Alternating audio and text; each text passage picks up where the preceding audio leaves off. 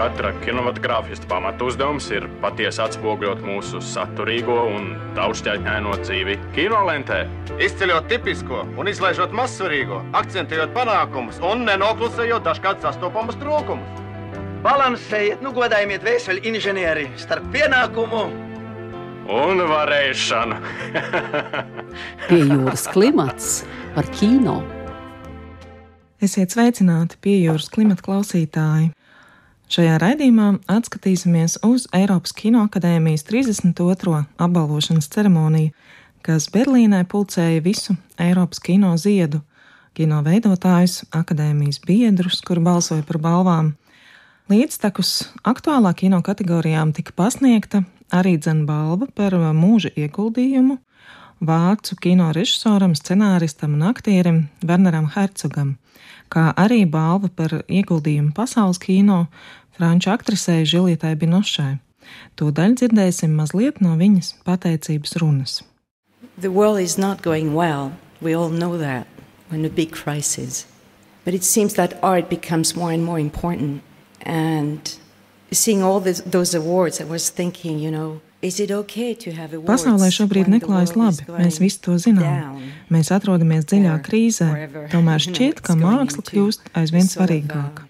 Redzot visu šo apbalvošanu, es aizdomājos, vai ir īstais brīdis balvām tagad, kad pasaule grimst lejup, dodas strupceļā. Manuprāt, mums jābūt patiesākiem, mīlošākiem, jāspēj ieklausīties un jāatver mūsu sirdis un ausis. 14 gadu vecumā es skatījos izrādi, ko bija iestudējis Pīters Bruks. Beigās mēs visi cēlāmies kājās un aplaudējām. Prieks, ko es sajūtu sirdī, bija tik liels, ka nolēmu, kā arī es vēlos sniegt šādu prieku citiem. Manuprāt, mākslā ir jāspēj dot, jāspēj dalīties un atrast kaut ko jaunu, atrast jaunas pasaules. And finding somewhere a new world. Nu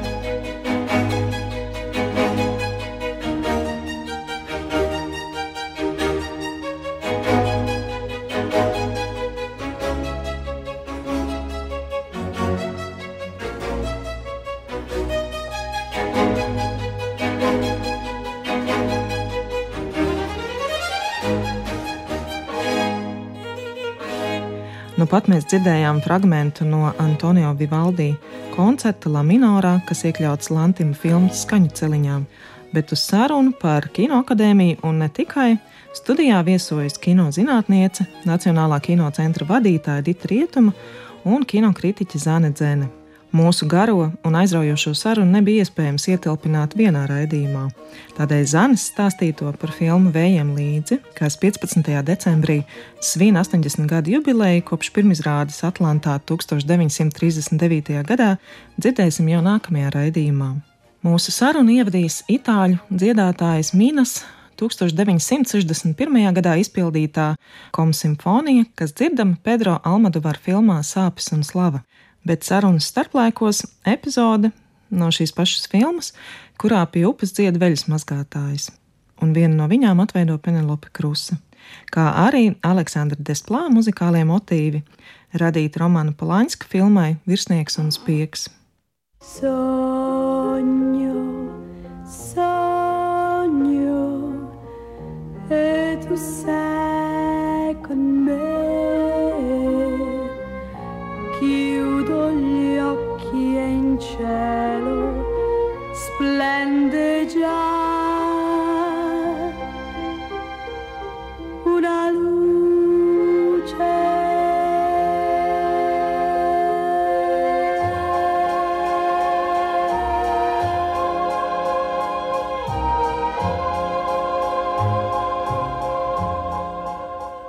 Jau 32. reizi ir izdalītas Eiropas Kinoakadēmijas balvas. Mēs varējām arī Latvijā vērot šo tiešraidi ceremoniju, piesātinātu ar dažādiem jokiem un vēstījumiem.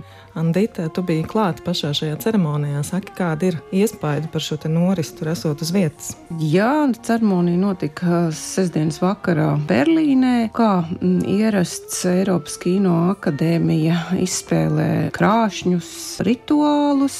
Šoreiz šis rituāls vai ceremonija bija iecerēts kā tāds rotaļīgs, jauneklīgāks pasākums ar jokiem, ar tādiem mazliet aktuāliem sociālpolitiskiem akcentiem. Domāju, ka šī nebija sliktākā no Eiropas Kino akadēmijas ceremonijām, jo ir bijušas arī neveiklākas. Un, jā, nu, tā piedāvāja kaut kādas jauneklīgas formas eksperimentus, vai viss bija veiksmīgi simtprocentīgi, nezinu, bet tomēr jāsaka, ka ceremonija neatstāja mokošu ilgu pasākumu sajūtu. Tās garums bija 2 stundas 45. Salīdzinājumam Nacionālais festivāls festivāls vai Nacionālā kino balva Lielais Kristaps savu ceremoniju izspēlēja 3,5 stundu garumā. Tātad Eiropa tomēr bija par 45 minūtēm kompaktāka, kas ir ļoti liels sasniegums. Ar astoņām balvām ceremonijā triumfēja Jorga Lantimas favorīta filma, kur, diemžēl, nepārstāvēja ne režisors, ne aktris uz vietas. Vai šādu balvu sadalījumu, vai viņš tika kaut aptuveni prognozēts profesionāļu aprindās, jo tomēr balsotāji ir akadēmijas biedri, nevis žūrija? Jā, balsotāji ir akadēmijas biedri vairumā no kategorijām, Jā, taču ne, visās, ne profesionālās kategorijās. Un jāsaka, ka es nebalsoju par favorīti, neskatoties uz to, ka man ļoti šī filma patīk, es novērtēju tās stilistisko originalitāti, bet man ir liels problēmas ar Eiropas Kino akadēmijas pieeju, kā tā komplektē filmas, kas ir izvirzītas nominācijām, jo favorīte mēs ļoti labi zinām. 2019. gada sākumā filma bija nominēta vairākām Amerikas Kino akadēmijas balvām. Olivija Kolmana, izcila aktrise, fantastiska aktrise, saņēma Oskaru kā gada labākā aktrise. Un Un 2019. gada izskaņā vēlreiz atkārtot visu šo pašu, tikai jau Eiropas mērogā, nu savā veidā man bija tāda deja vu vai jau bijis sajūta, un likās, ka Eiropas kino akadēmija šoreiz nu īpaši uzsver to, ka vispirms tomēr ir Amerika, un tad mēs teciņus uh, nopakaļ. Man tiešām bija žēl Pedro Almodovara, kurš bija klātesošs, kurš ir izveidojis vienu no spēcīgākajām un personīgākajām savas karjeras filmām, proti, es runāju par filmu Sāpes un Slava, un savā veidā, nu, viņš palika tikai ar tādu kurjeru funkciju, viņam jāizved tagad Antonio Banderas balviņa uz Spāniju. Nu, man liekas, ka bija tāda mazliet neveikla sajūta. Lai gan, protams, demokrātija ir demokrātija, akadēmiķi vairāk nekā 3000 Eiropas kino profesionāļi balso pēc saviem noteiktiem kritērijiem, un te nu mēs esam. Mira qué bonitos son. A tu vera, siempre la verita tuya, siempre la verita tuya, hasta que de pena muera. Quiero miras a tus ojos,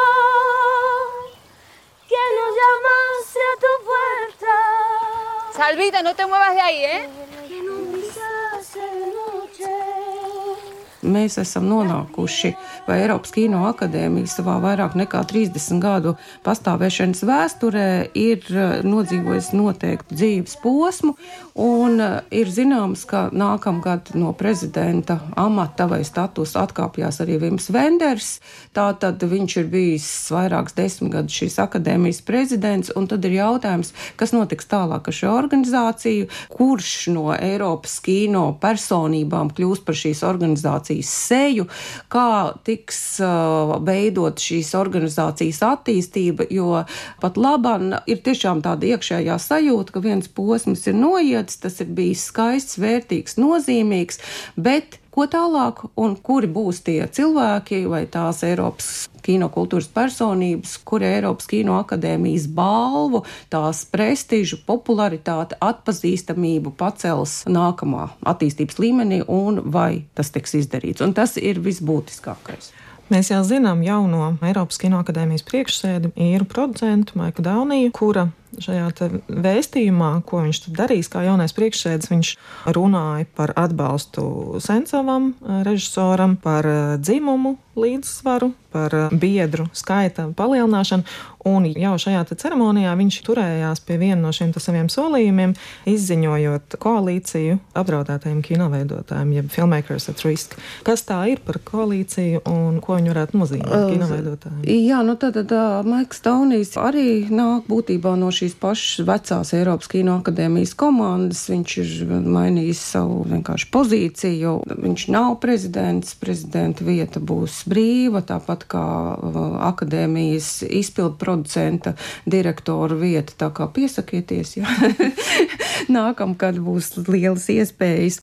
Bet, protams, Eiropas Kino akadēmijai ir savu sociālpolitiskā misija. Es domāju, ka Oļega Seņcova atbrīvošanas faktā ir arī Eiropas Kino akadēmijas nopelni zināmi, jo vairākus gadus Eiropas Kino akadēmija publiski aģitēja, rakstīja dažādas vēstules par Seņcova atbrīvošanu.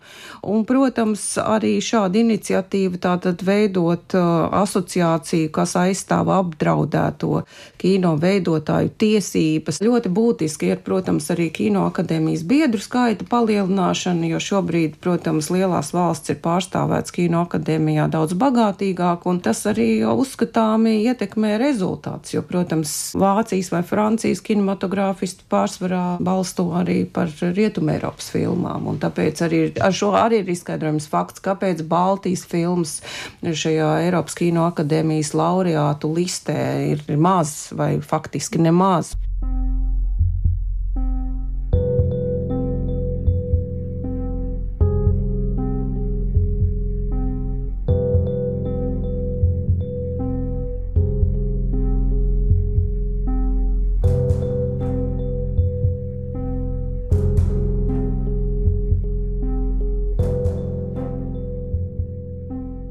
Runājot par uh, filmām, kas palika ārpus laureāta saraksta, viens no Krievijas vadošajiem kinokritiķiem, Andrejs Plahovs, sociālajos tīklos ir veicis ierakstu kurā viņš nav īpaši apmierināts ar to, ka Romanis Poļānskis ir palicis bez nevienas balvas. Savukārt jau minētais Maiks Daunijs no skatuves īpaši Poļānska sakarā uzsvēra, ka Eiropas Kinoakadēmija pauž nožēlu par vardarbību visās tās izpausmēs un arī domās, ko tālāk darīt ar šādām situācijām. Kāpēc tiešām Poļānska filma palika absolūti neievērota? Tā tad uh, Poļānska filma oficieris vai virsnieks un spiegs, kas tika izrādīta vai pirmizrādīta šā gada Venēcijas festivālā, ir nenoliedzama ļoti nozīmīga vēsturiska filma, kas uh, ir veltīta antisemītisma ģenēzei Eiropā, Francijā pētot skandalozo Dreifus lietu, teiksim tā, filmas forma ir ļoti akadēmiska, ļoti, nu, pat stīvi akadēmiska, un uh, es pieļauju, ka šī filma ne visus uh, var uzrunāt tieši savas formas dēļ.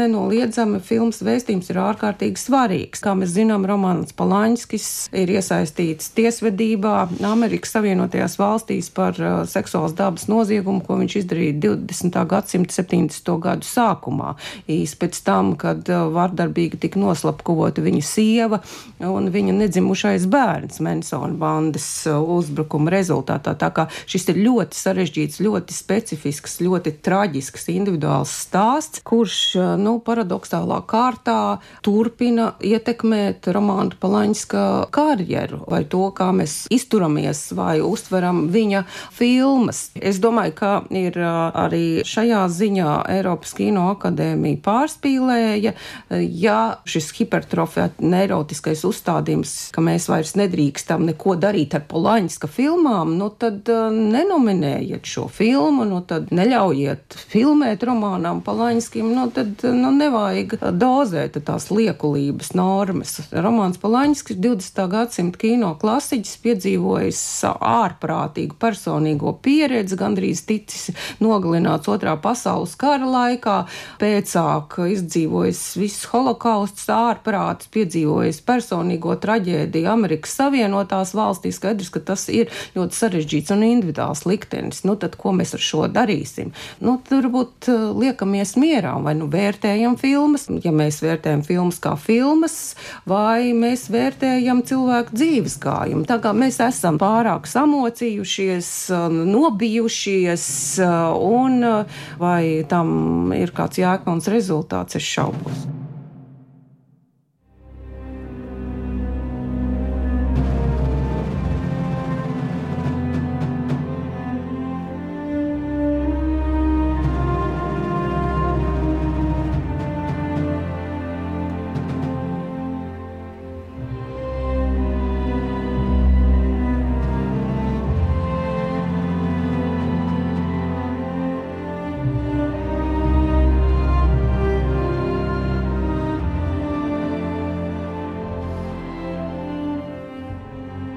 Ir vēl kāds pārsteigums laureāta sarakstā. Filma, kuras režisori ir teikusi, ka kino industrija ir ļoti mizagīna pasaule. Tā ir Selīna Skjāma ar filmu Portrets ar sievieti ugunī, kas saņēma balvu par labāko scenāriju. Un, lai gan šai filmai ir absolūti arī patīkams vizuālās kvalitātes, tas noteikti nebūtu scenārijs, par ko viņu apbalvot līdzās Marko Belokio filmai Nodevējs, līdzās jau minētajai Almadevaru filmai un nožēlojumiem.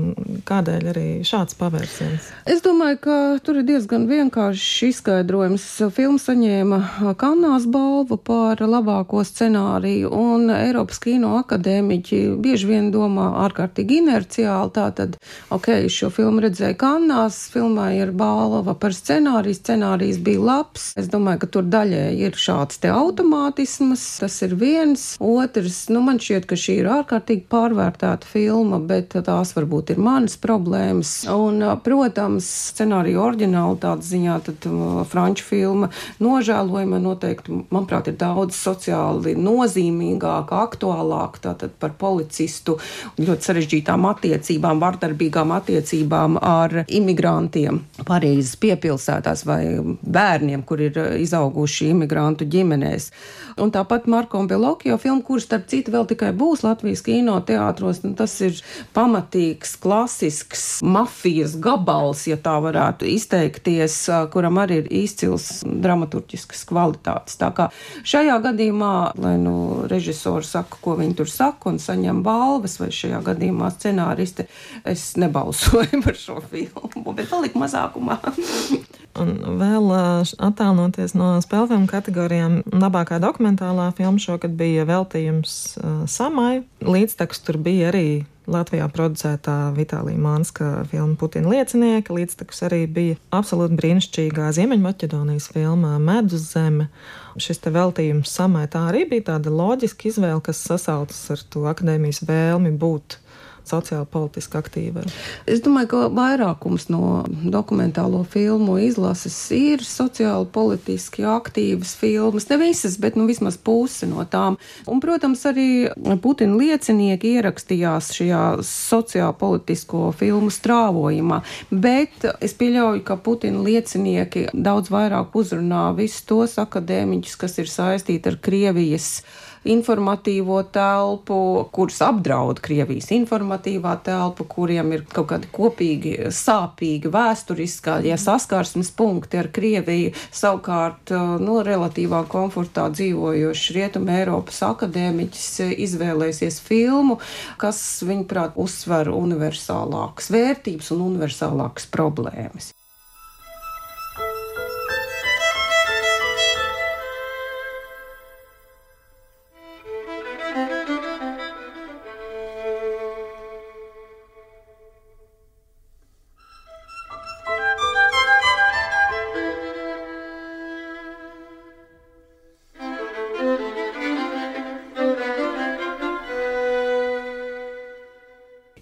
Studijā viesojās Dita Rietuma un Zāne Dzene. Zāni plašākā sarunā dzirdēsim jau nākamnedēļ, bet es no jums atvados ar mazliet gaisīgām muzikālām noskaņām Eltona Džona dziesmas Skyline Pigeon versiju arī dzen no filmas favorīta. Turn me loose from your hands Let me fly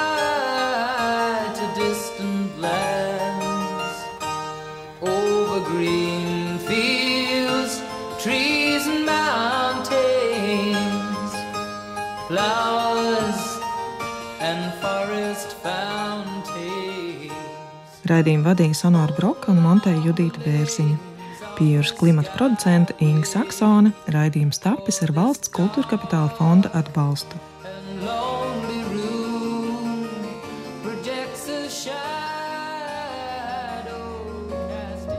Pie jūras klimats par kino.